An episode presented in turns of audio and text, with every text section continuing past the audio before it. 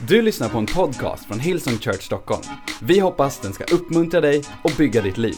För att få mer information om Hillsong och allt som händer i kyrkan, gå in på www.hillsong.se. Vilsen. Har du någon gång varit vilsen? Har du det?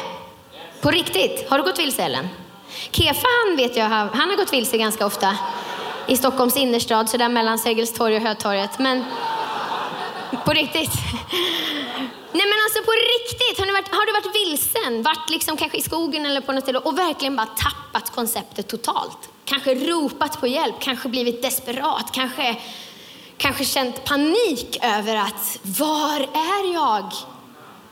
Det är en otroligt jobbig känsla. Det är inget man vill uppleva. Men har du någon gång varit vilsen i livet? Alltså på riktigt undrat vem du är, varför du är här, vad din roll är, vad din plats är, om det finns någon som vill leva med dig. Har du på riktigt funderat över de frågorna? För någon här inne så kanske det yttrar sig i en höstdepression lite nu och då. Att man går och grubblar på de här grejerna, att man är vilsen i livet. För någon annan kanske det har varit extremt kraftiga, desperata rop på hjälp i form av att man har hamnat i drogmissbruk eller i all sorts problematik. En vilsenhet. För någon annan kanske vilsenheten mer handlar om din identitet. Vem är jag? Och, och, vem är jag som människa? Vem är jag som mamma eller pappa? Eller vem är, vart är min plats i min familj eller i, i, på mitt jobb? Eller i kyrkan? Vad är din plats här? Du kanske kämpar med att hitta din plats. Jag är övertygad om att vi alla, mig inkluderad, brottas med sådana här tankar om vilsenhet. Och lite nu och då så fastnar vi, både du och jag, i tankemönster som inte är bra. Och en känsla av vilsenhet uppstår och ibland till och med kanske panik infinner sig i våra hjärtan. Och det här sker ofta när man är på en plats på väg till en annan. Man tappar bort sig. Här var jag, men nu vet jag inte var jag är längre. Och det ska vi prata om ikväll. Så håll i, hold your horses. Vi ska börja med att titta i Bibeln vad Bibeln säger om vilsenhet. I, jag läste faktiskt det innan i, i bönen, Jesaja 53 och 6. Då står det så här, vi gick alla vilse som får. Var och en gick sin egen väg. Men all vår skuld la Herren på honom, alltså på Jesus. Vi har alla varit och är mellan varven vilse. Så är det. Ett annat bibelord är Romarbrevet 3 och 23 klassiskt, många känner igen det. Men alla har syndat och gått miste om härligheten från Gud. Alltså alla vi har varit vilse. Och uppenbarligen finns det ingen gräddfil för vissa människor, utan det är så här det är. Vi behöver bara hitta ett sätt att hitta hem, att hitta fram. Och ni, ni kanske kommer ihåg, det finns en sång vi brukar sjunga, eh, inte så jättemycket nu på sista tiden, men det är den här Amazing grace, how sweet the sound that saved a wretch like me. I once was lost, but now I am found. Was blind, but now I see. Wow! Jag har kommit hem, jag vilsen var. Men vad är egentligen definitionen på vilsen? Vi ska kika på det. Vilsen. På en sidoväg som leder någon annanstans än man förväntade sig. Så att man inte längre vet vart man befinner sig. Alltså man är på väg och upptäcker att jag vet inte vart jag är på väg. En vilsenhet. Och något annat som är intressant är ordet synd, som vi precis läste om, att alla vi har syndat. Vad betyder det ordet? Missa målet. Det är exakt samma sak. Att man är vilsen. Att man hittar inte dit som var tänkt. Och vi lever i en vilsen värld. Vi gör faktiskt det. I en vriden och vilsen värld. Och det är konsekvenserna av att vi får leva som vi vill. Vi får välja hur vi vill leva. Och vi kan välja att leva ett liv tillsammans med Jesus. Vi kan välja att säga ja till ett liv som älskar sin nästa lika mycket som sig själv. Vi kan välja ja till ett liv i kärlek, i förlåtelse, i harmoni. Vi kan välja ja till ett liv i frihet. Vi kan säga ja till ett äventyrligt liv ledda av den helige Ande. Och inte bara en gång, utan varje dag så kan vi välja att leva det livet. Men vi är fria att välja bort det också. Det är det som är hela grejen och det är det som är så svårt att förstå. Att Gud ger oss friheten att säga ja eller säga nej tack. Vi är fria att leva ett liv med oss själva i centrum.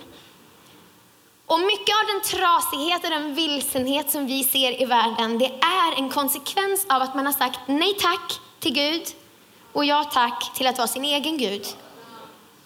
Och, och leva helt för sig själv.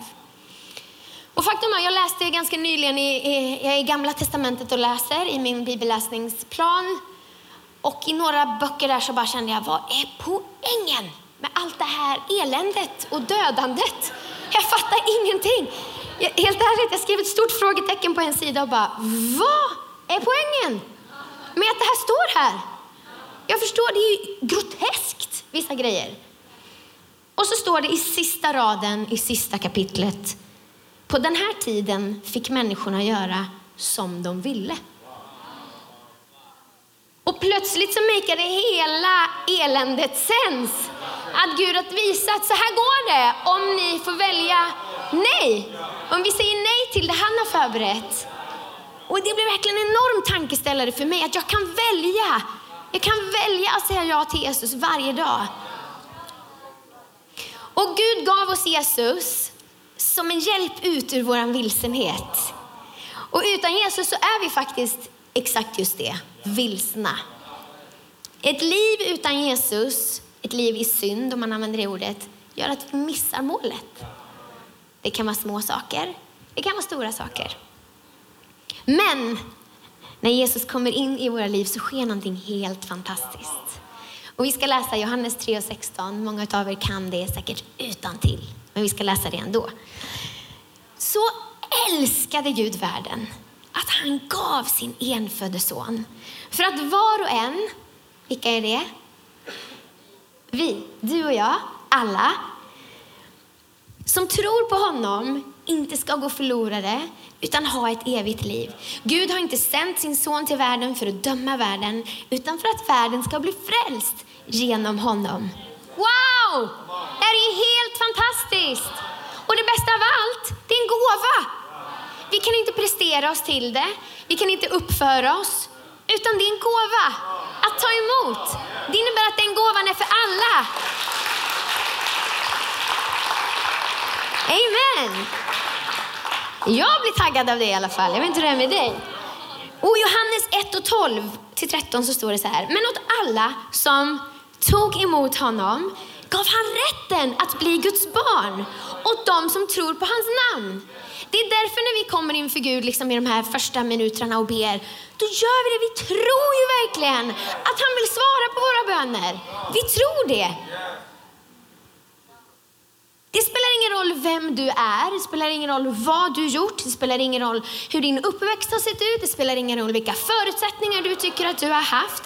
Det här gäller alla, dig inkluderad. Om du är här som ännu inte tagit emot Jesus så kan du få göra det idag.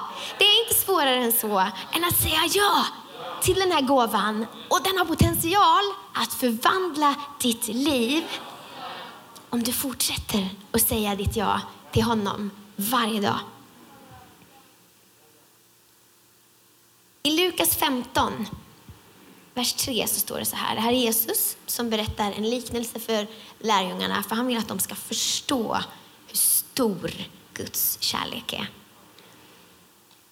Om någon av er har hundra får och förlorar ett av dem, lämnar han då inte de 99 i öknen och går ut efter det förlorade fåret tills han finner det? Jo, och när han har funnit det, då blir han glad, lägger det över sina axlar och när han kommer hem samlar han alla vänner och grannar och säger till dem, gläd er med mig, jag fann mitt förlorade får. Och jag säger er, på samma sätt blir det större glädje i himlen över en enda syndare som omvänder sig än över 99 rättfärdiga som inte behöver någon omvändelse. Du kanske finns här som fattade det här häftiga beslutet för många år sedan och har tappat bort dig på vägen. Du har gått vilse. Du kan också få möjlighet att fatta det beslutet ikväll igen. Och det kommer bli en fet fest i himlen för dig.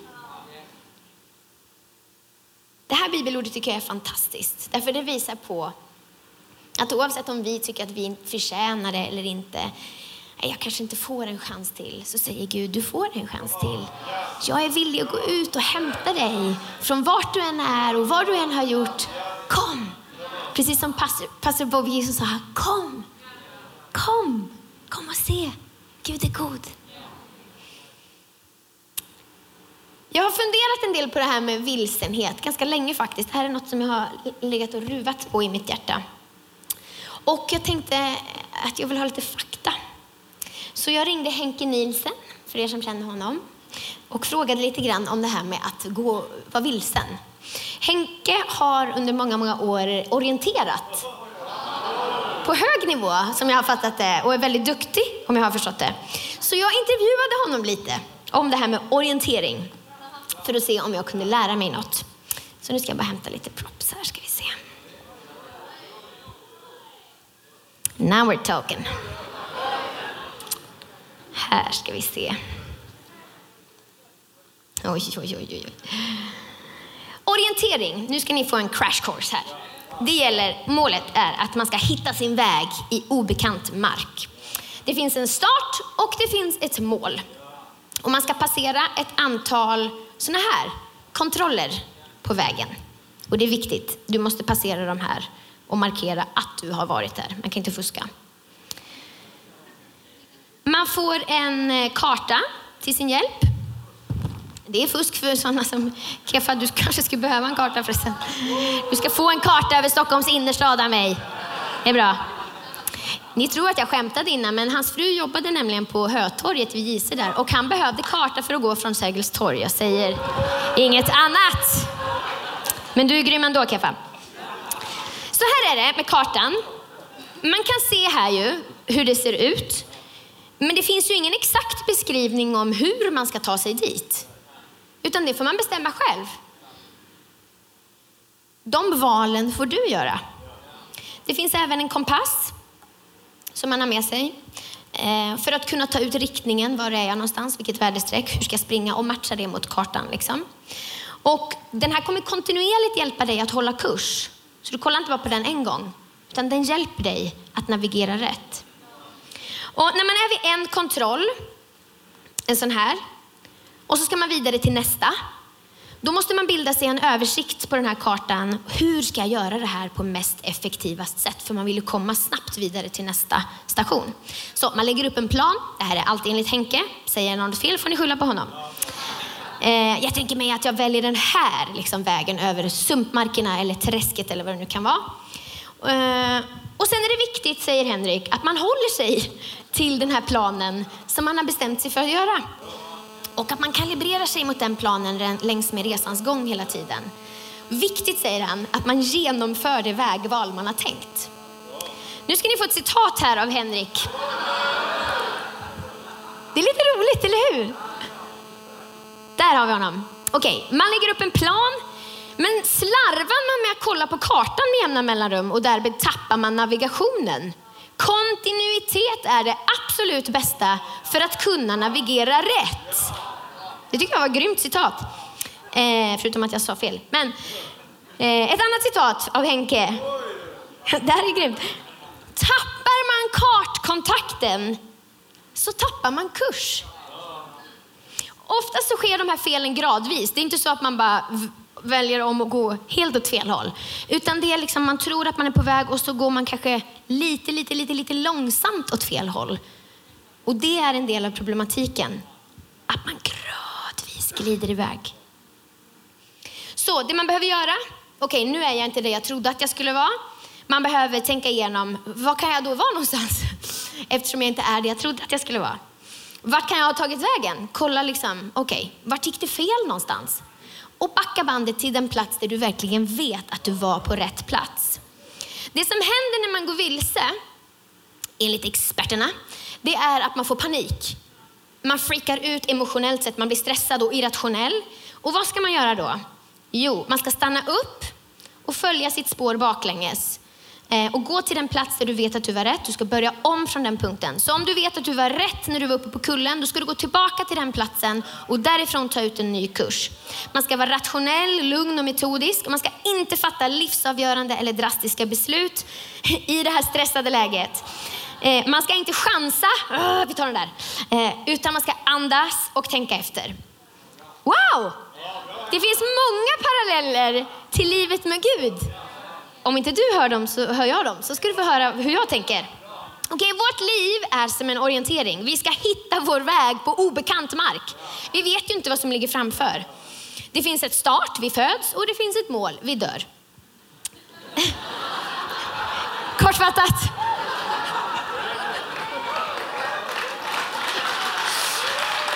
Ja, men vi gör ju det. Ja. Oj, vad hemskt det lät. Okej. Okay. Du ska passera ett antal kontroller på vägen. Och de här kontrollerna, det kan ju vara olika saker. Det kan ju vara allt ifrån att eh, man ska bli trygg i sig själv. Det är en kontroll. Man ska veta vad man ska göra i livet. Det är en annan kontroll. Eh, man kanske undrar vilken utbildning ska jag läsa? Vart ska jag bo någonstans? Vem ska jag dela det här livet med? Hur ska mina prioriteringar se ut? Vad ska jag lägga mina pengar på? Vad ska jag lägga min tid på? Hur ska jag bygga min familj? Och mycket, mycket, mycket mer. Vi ska alltså navigera i livet mellan alla de här kontrollerna och på något sätt ta oss fram på obekant mark. Vi får en karta till vår hjälp. Och här kan vi se, okej, okay, jag är på väg hit. Men det finns ju ingen exakt beskrivning som säger ta det där jobbet, eller gift dig med den där personen. Utan det är upp till oss att avgöra det. Men kartan finns som en hjälp i att fatta de livsavgörande besluten. Du har en kompass för att kunna ta ut riktningen och den kommer kontinuerligt att hjälpa dig att hålla kurs. Bibeln är vår karta och vår kompass. Det är det absolut bästa hjälpmedlet som du och jag har fått som kristna. Och jag gillar det Henke sa, tappar man kartkontakten så tappar du kurs. Och det stämmer väldigt, väldigt, väldigt bra. För oftast är det så att det är inte de här stora drastiska besluten som får oss att tappa bort oss i livet. Utan det är små, små, små beslut i vardagen som till slut gör att man känner att nu vet jag inte vart jag är längre. Det blir kanske inte som man hade tänkt. Det kanske är så att man byter ut lovsången mot radion man byter ut den där kvällsbibelläsningen mot ett avsnitt på Netflix. Ouch! Skyldig. Tappar vi kontakten med Gud, då tappar vi kurs. Och den här principen gäller på många områden. Den gäller på kostområdet till exempel. Äter du skräp varje dag så kommer du vara rund vid beachsäsongen. Träning till exempel. Det, det är väldigt mycket bättre har jag förstått att träna kontinuerligt eh, än att springa vårhuset och aldrig någonsin springa mer. Eller så. Jag hade så sjuk träningsvärk Okej. Okay. Kontinuitet är det bästa för att kunna navigera rätt, sa Henke. Och kontinuitet kanske inte är ett supermodernt ord, men det är ett sjukt bra ord därför att det kommer hjälpa oss att ta oss fram. Så låt oss öppna våra biblar varje dag, hämta styrka och kraft i hans ord. Du kommer hitta dina svar här. Men sen är det upp till oss att ta stegen själva. Sen är det upp till oss. Vi har kartan, vi har kompassen. Men vi får fatta besluten. Det tycker jag är stort. Och det är unikt med den kristna tron. Gud ger oss den fria viljan och vi får hantera den själva. Men vi får också hantera dess konsekvenser. Ni ska få tre punkter med er hem som ni kan fundera över den här veckan som ligger framför. Punkt nummer ett. Får ni ut något av det här? Ja, trots kartor och kompass och allt vad det är. Glöm inte vem du är. I Efesierbrevet 1 och 11 i The Message så står det så här. It's in Christ that we find out who we are and what we're living for. Jag läser det igen. It's in Christ that we find out who we are and what we're living for. Vem man är och vad man lever för. Du hittar inte det någon annanstans. Du kommer aldrig hitta det i din karriär. Du kommer aldrig hitta det i, i en relation. Du kommer aldrig hitta det i rikedom eller vad det kan vara. You find out who you are in Christ. Och jag har märkt av egen erfarenhet att identitetsfunderingar, de tar otroligt mycket energi. De äter upp en inifrån. Det tar ens tid, det tar ens energi och det tar ens fokus som man egentligen skulle kunna lägga på något helt annat. För min del så blev jag vilsen när jag blev mamma. Och inte som mamma, det tyckte jag var liksom, det, det gick bra. Men som ledare blev jag vilsen. Och den främsta orsaken till vilsenhet för mig i den fasen, det var att jag tappade mitt vardagsliv med Gud. Det var precis exakt så att lovsången byttes ut mot något annat. Bönen, jag tyckte inte jag hann. Och bibelläsningen, jag visste inte hur jag skulle få ihop det. Det var svårt att hitta nya rutiner. Och så kan det vara om du går från en fas till en annan. Om du är singel och börjar träffa någon, om du börjar träffa någon och sen gifter er och sen får man barn. Det, olika faser har olika utmaningar och det finns en risk att man tappar bort sig i alla de här faserna. Och inte det tog inte så jättelång tid förrän jag verkligen började fundera över ja, men vad är min roll här och vad, hur jag, hur jag, hur, vad ska jag göra? jag har varit med sedan kyrkan startade, men vad ska jag ha för roll? Och man börjar fundera och bryta och bända tankarna. Men jag, det är nog ingen som vill ha mig här. Och, och, och sådana tankar som är lögner börjar gro. Och hux flux så tar det all energi och allt fokus. Och en del av er eh, vet om det, men jag, jag valde att göra en detox i mitt sinne. Det finns en kristen psykolog som heter Caroline Leaf som har varit på våra college conferences. Och hon har en app som heter 21 Day Brain Detox som man kan ladda ner. Eh, och ett 21 dagars, liksom, man följer hennes, eh, hennes metod i 21 dagar. Och det går ut på att man bryter ner en tankebyggnad och så bygger du upp nya tankebyggnader i enlighet med Guds ord och vad han säger om ditt ord och så vidare eller vad han säger om dig. Eh, och för mig var det här en game changer. Det, det förändrade hela mitt sätt att förhålla mig till mig själv ytterst sett. Och idag när jag går tillbaka och läser mina anteckningar från den här tiden så svimmar jag nästan över hur fruktansvärt, alltså hur kunde jag ens skriva så? Hur kunde jag ens tänka så? Det känns så otroligt långt bort. Men det visar på hur lätt det är att tappa kurs. När man slutar kalibrera sig mot det som är rätt då blir det till slut lögner sanning. Och det är helt vridet. Det är inte så Gud vill att det ska vara. Jag tappade min kartkontakt och jag tappade min kompass. Jag slutade titta på det som skulle hjälpa mig att gå åt rätt håll. I psalm 139, vers 1-6 så står det så här. Herre, du utransakar mig och du känner mig. Om jag sitter eller står så vet du det. Du förstår mina tankar fjärran ifrån. Så till dig som kämpar med de här tankarna, Gud förstår dem. Han ser dem, han ser dig. Om du ligger eller står eller går eller ligger ner ser du det. Med alla mina vägar är du förtrogen. Innan ordet ens är på min tunga, då vet du allt om det.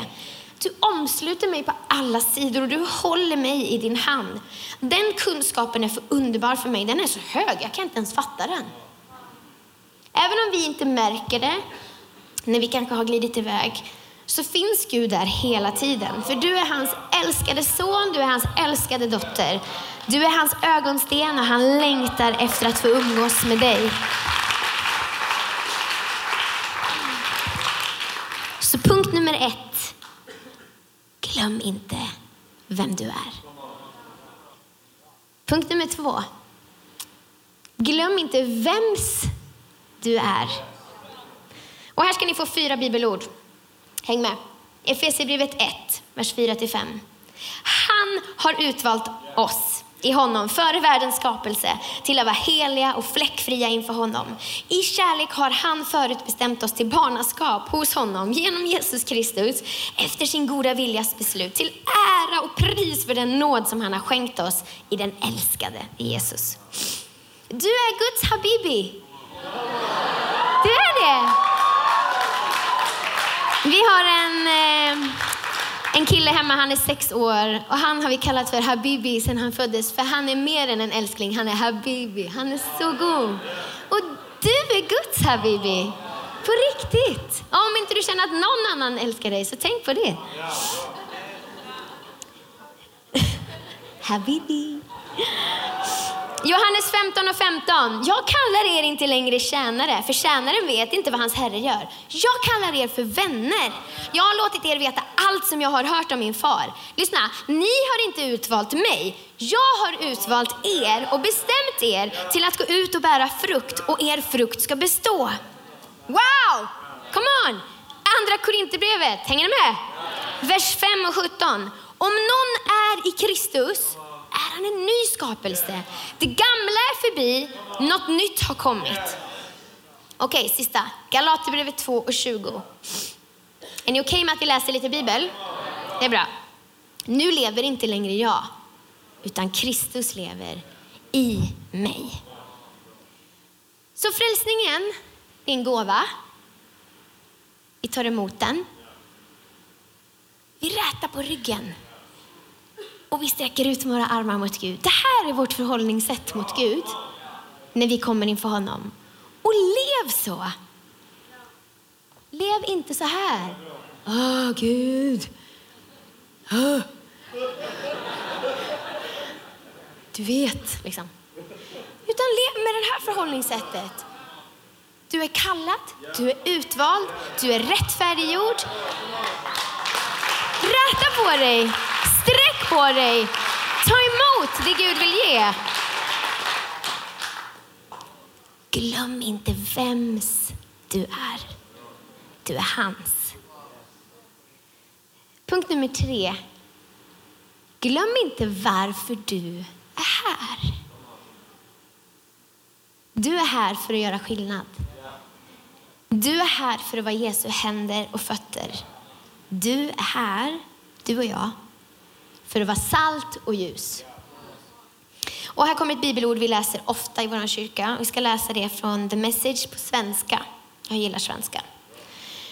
Matteus 5, vers 13-14 tror jag det är va? Yes, 13-16.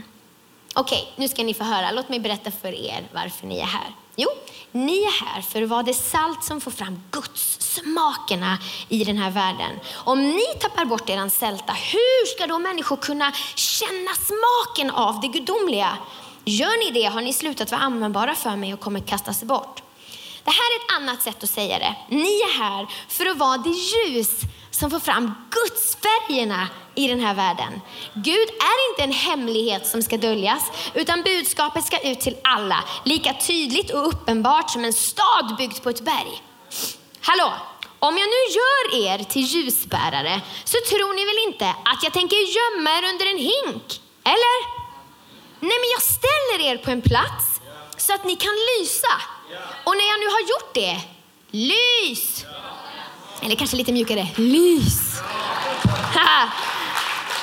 Gud är lite mjukare, eller lite mjukare ton kanske på sin röst än vad jag har. Lys. Se till att vara gästvänliga och generösa. Genom att öppna upp för andra kommer ni hjälpa dem att öppna upp sig för Gud, er generöse himmelske fader. Salt tar fram smakerna. Det vet vi när man lagar mat. Jag är inte så bra på det, men min bror är det, så han säger att salt är bra. Jag ber om ursäkt, jag är verkligen inte bra på att laga mat. Okay. Men Guds smakerna, vad är det? Vad är det för något? Det är lätt att säga, men vad är Guds smakerna? Jo, det står i Bibeln, smaka och se att Gud är god. Då innebär det att de liv du och jag lever behöver visa på att Gud är just det, god. Hur talar jag om andra människor? Lever jag som jag lär, som pastor Brian Houston predikade om i morse? Relevans. Sjukt bra för övrigt. Har jag ett öppet hem? Vågar jag leva ett generöst liv? Det kostar på ibland, det är obekant ibland, men det är värt det. Du är här för att ta fram Guds smakerna i den här världen. På din arbetsplats, som jag sa förra gången jag predikade, du kanske är den enda Jesus som människor kommer träffa i hela sitt liv. Wow, vilket ansvar du får. Men du är här för att ta fram gudsfärgerna. Vad är det? Jag tolkar det, det här är min personliga tolkning, tolkar det som att Gud har skapat alla människor unika. Med gåvor, med talanger. Det finns guld som ruvar här inne. Låt ljuset ta fram det guldet, de färgerna. Försök inte bli en kopia av någon annan. Det räcker med en. Utan var det bästa original som bara du kan vara. Var den som Gud har gjort dig till och lys. Låt Guds ljus ta fram det unika och fantastiska i dig och lys av hans kärlek. Medan lovsångsteamet kommer upp så ska vi börja avrunda. I första Petrus 2 och 9-10 så står det så här. Ni är ett utvalt släkte, ett kungligt prästerskap, ni är ett heligt folk ett Guds eget folk för att förkunna hans härliga gärningar. Han som har kallat er från mörker till sitt underbara ljus. Wow! Ni som förr inte var ett folk, ni är nu ett Guds folk. Ni som förr inte hade fått barmhärtighet, ni har nu fått barmhärtighet. I Efesierbrevet 2, vers 10 så står det så här. Hans verk är vi, skapade i Kristus Jesus till goda gärningar som har förberetts för att vi ska vandra i dem. Du är här för att vara salt. Du är här för att vara ljus. Och det bästa du kan göra för dig själv, det bästa du kan göra för din partner, det bästa du kan göra för dina barn, det bästa du kan göra för din business, ditt företag, det bästa du kan göra för din framtid, det är att fortsätta leva ut din sanna identitet i Jesus Kristus och veta vem du är. Du kan även bestämma dig för att inte vika av från vägen utan bestämma dig för att varje dag fästa din blick på Jesus och veta vems du är. Att du är hans. Du kan bestämma dig för att hålla dig till Guds ord och hans sanning över ditt liv. Och bestämma dig för att leva ett liv i gemenskap med den heliga Ande och veta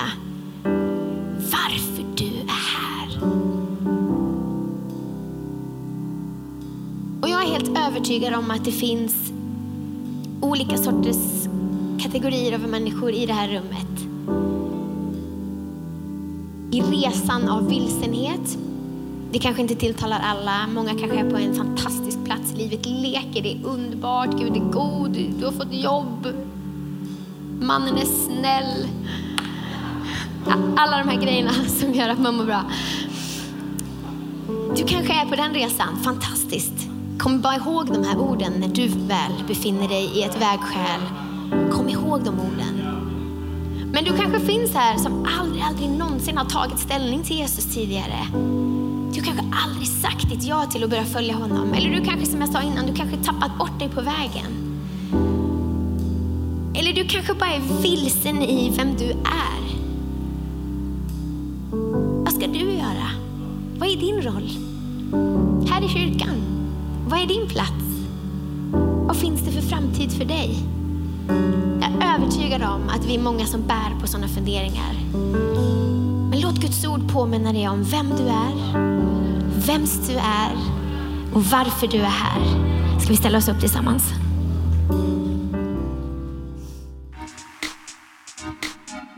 Du har lyssnat till en podcast från Hillsong Church Stockholm. Om du vill veta mer om vår kyrka eller om våra söndagsmöten surfa in på www.hillsong.se